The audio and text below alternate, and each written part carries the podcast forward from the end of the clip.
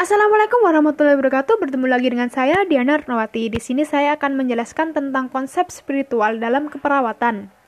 Perawat sebagai tenaga kesehatan yang profesional mempunyai kesempatan paling besar untuk memberikan pelayanan kesehatan, khususnya pelayanan atau asuhan keperawatan yang komprehensif dengan membantu klien memenuhi kebutuhan dasar yang holistik. Perawat memandang klien sebagai makhluk bio, psikososiokultural, dan spiritual yang berespon secara holistik dan unik terhadap perubahan kesehatan atau pada keadaan krisis. Asuhan keperawatan yang diberikan oleh perawat tidak bisa terlepas dari interaksi perawat dengan klien. Perawat berupaya untuk membantu memenuhi kebutuhan spiritual klien sebagai bagian dari kebutuhan menyeluruh klien, antara lain dengan memfasilitasi pemenuhan kebutuhan spiritual klien tersebut. Walaupun perawat dan klien mempunyai keyakinan spiritual atau keagamaan yang tidak sama atau berbeda. Spiritualitas diartikan sebagai keyakinan dan agama merupakan hal yang terpisah, walaupun sering kali diartikan sama. Pemahaman tentang perbedaan antara tiga istilah tersebut sangat penting bagi perawat untuk menghindarkan salah pengertian yang akan mempengaruhi pendekatan yang digunakan oleh perawat. Menurut Burkhardt tahun 1993, spiritualitas meliputi aspek sebagai berikut. Yang pertama yaitu berhubungan dengan sesuatu yang tidak diketahui atau ketidakpastian dalam kehidupan. Yang kedua, menemukan arti dan tujuan hidup. Yang ketiga, menyadari kemampuan untuk menggunakan sumber dan kekuatan dalam diri sendiri. Yang keempat, mempunyai perasaan keterikatan dengan diri sendiri dan dengan yang maha tinggi. Menurut Mickley et al. tahun 1992, menguraikan spiritualitas sebagai suatu di, sus, sebagai suatu yang multidimensi, yaitu dimensi ekstensial dan dimensi agama. Dimensi ekstensial berfokus pada tujuan dan arti kehidupan, sedangkan dimensi agama lebih berfokus pada hubungan seseorang dengan Tuhan yang Maha Penguasa. Menurut Stoll tahun 1989, menguraikan bahwa spiritualitas sebagai konsep dua dimensi dan di, sebagai konsep dua dimensi, dimensi vertikal dan dimensi horizontal. Dimensi vertikal adalah hubungan dengan Tuhan atau yang maha tinggi yang menuntun kehidupan seseorang, sedangkan dimensi horizontal adalah hubungan seseorang dengan diri sendiri, dengan orang lain, dan dengan lingkungan. Terdapat hubungan yang terus-menerus antara dua, dua dimensi tersebut. Menurut Kerson tahun 1989, kebutuhan spiritual adalah kebutuhan untuk mempertahankan atau mengembalikan keyakinan dan memenuhi kewajiban agama, serta kebutuhan untuk mendapatkan maaf atau pengampunan, mencintai dan menjalin hubungan penuh rasa dengan Tuhan.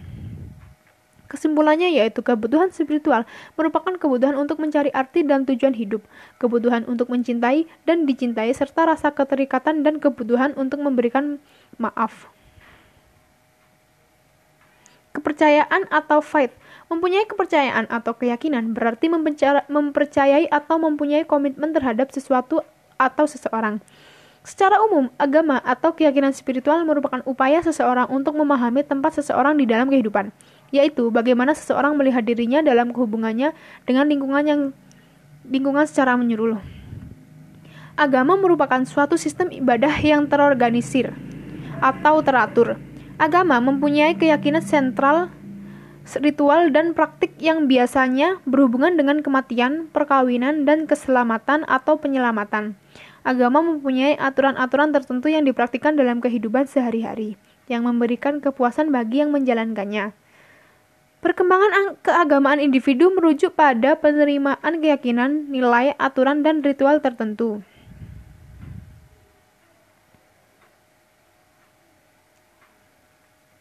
Faktor-faktor yang mempengaruhi spiritualitas menurut Taylor Lillis dan Limon tahun 1997 dan Craven dan Hirnle tahun 1996. Faktor penting yang dapat mempengaruhi spiritualitas seseorang adalah yang pertama, pertimbangan tahap perkembangan. Yang kedua, Berdasarkan hasil penelitian terhadap anak-anak dengan empat agama yang berbeda, ditemukan bahwa mereka mempunyai persepsi tentang Tuhan dan bentuk sembahyang yang berbeda menurut usia, seks, agama, dan kepribadian anak. Gambaran Tuhan Gambaran tentang Tuhan yang bergeja, bekerja melalui kedekatan dengan manusia dan saling keterikatan dengan kehidupan. Memper, mempercayai bahwa Tuhan terlibat dalam perubahan dan pertumbuhan diri serta transformasi yang membuat dunia tetap segar. Meyakini Tuhan mempunyai kekuatan dan selanjutnya merasa takut menghadapi kekuasaan Tuhan. Keluarga, peran orang tua sangat menentukan dalam perkembangan spiritualitas anak. Yang penting bukan apa yang diajarkan oleh orang tua kepada anaknya tentang Tuhan, tetapi apa yang anak pelajari mengenai Tuhan, kehidupan dan diri sendiri dari perilaku orang tua mereka. Oleh karena keluarga merupakan lingkungan terdekat dan pengalaman pertama anak dalam mempersepsikan kehidupan di dunia, maka pandangan anak pada umumnya diwarnai oleh pengalaman mereka dalam berhubungan dengan orang tua dan saudaranya.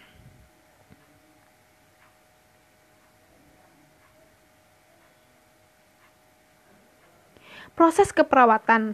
Yang pertama yaitu pengkajian. Pada dasarnya, informasi awal yang perlu digali secara umum adalah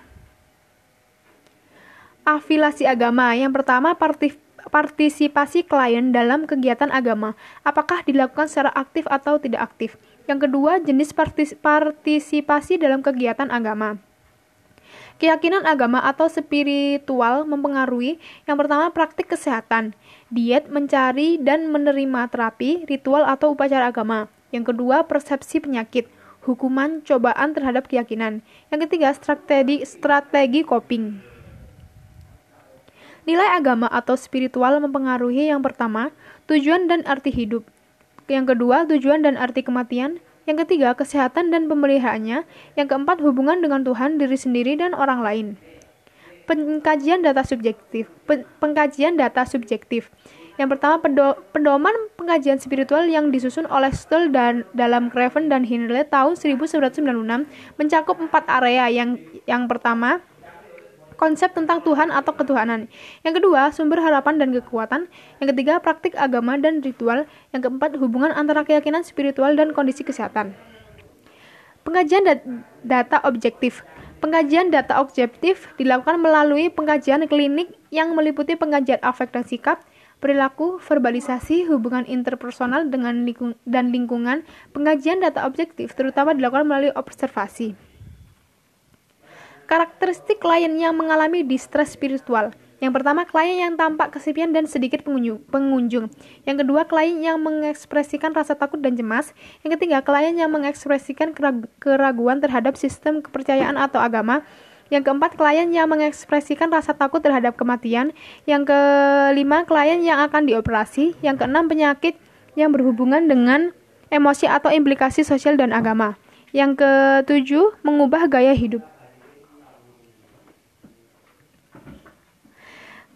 Kara, Diagnosa keperawatan. Yang pertama, gangguan penyesuaian terhadap penyakit, ketidakmampuan merekonsil merekonsiliasi penyakit dengan keyakinan spiritual. Coping individu tidak efektif, kehilangan agama sebagai dukungan utama. Merasa ditinggal oleh Tuhan.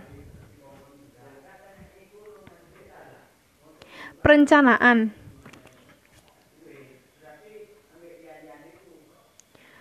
Tujuan asuhan keperawatan pada klien yang mengalami distress spiritual harus difokuskan pada menciptakan lingkungan yang mendukung praktik keagamaan dan keyakinan yang biasanya dilakukan. Tujuan ditetapkan secara individu, individual dengan mempertimbangkan riwayat klien, area beresiko, dan tanda-tanda disfungsi serta data objektif, objektif yang relevan.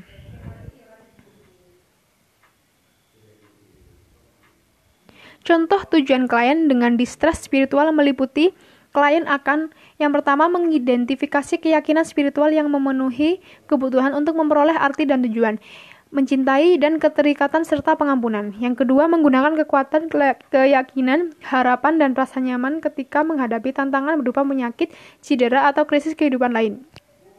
Yang ketiga, mengembangkan praktek spiritual yang memupuk komunikasi dengan diri sendiri, dengan Tuhan, dan dengan dunia luar. Yang keempat, mengekspresikan kepuasan dengan keharmonisan antara keyakinan spiritual dengan kehidupan sehari-hari. Implementasi Yang pertama yaitu periksa keyakinan spiritual pribadi perawat. Yang kedua, fokuskan perhatian pada persepsi klien terhadap kebutuhan spiritualnya. Yang keempat, mengetahui pesan nonverbal tentang kebutuhan spiritual klien. Yang kelima, berespons secara singkat, spesifik, dan faktual. Yang keenam, mendengarkan secara aktif dan menunjukkan empati yang berarti menghayati masalah klien. Evaluasi untuk mengevaluasi apakah klien telah mencapai kriteria hasil yang telah ditetapkan pada fase perencanaan, perawat perlu mengumpulkan data terkait dengan pencapaian tujuan asuhan keperawatan. Tujuan asuhan keperawatan terjadi apabila secara umum klien mampu beristirahat dengan tenang, menyatakan penerimaan keputusan moral atau etika, mengekspresikan rasa damai berhubungan dengan Tuhan, menunjukkan hubungan yang hangat dan terbuka dengan pramuka, pemuka agama, menunjukkan afek positif tanpa perasaan marah dan rasa bersalah dan an ansietas, menunjukkan perilaku lebih positif, mengekspresikan arti positif terhadap situasi keberadaannya. Uh, Oke, okay, terima kasih. Itu tadi uh, penjelasan dari penjelasan dari konsep asuhan keperawatan spiritual. Uh, terima kasih. Wassalamualaikum warahmatullahi wabarakatuh.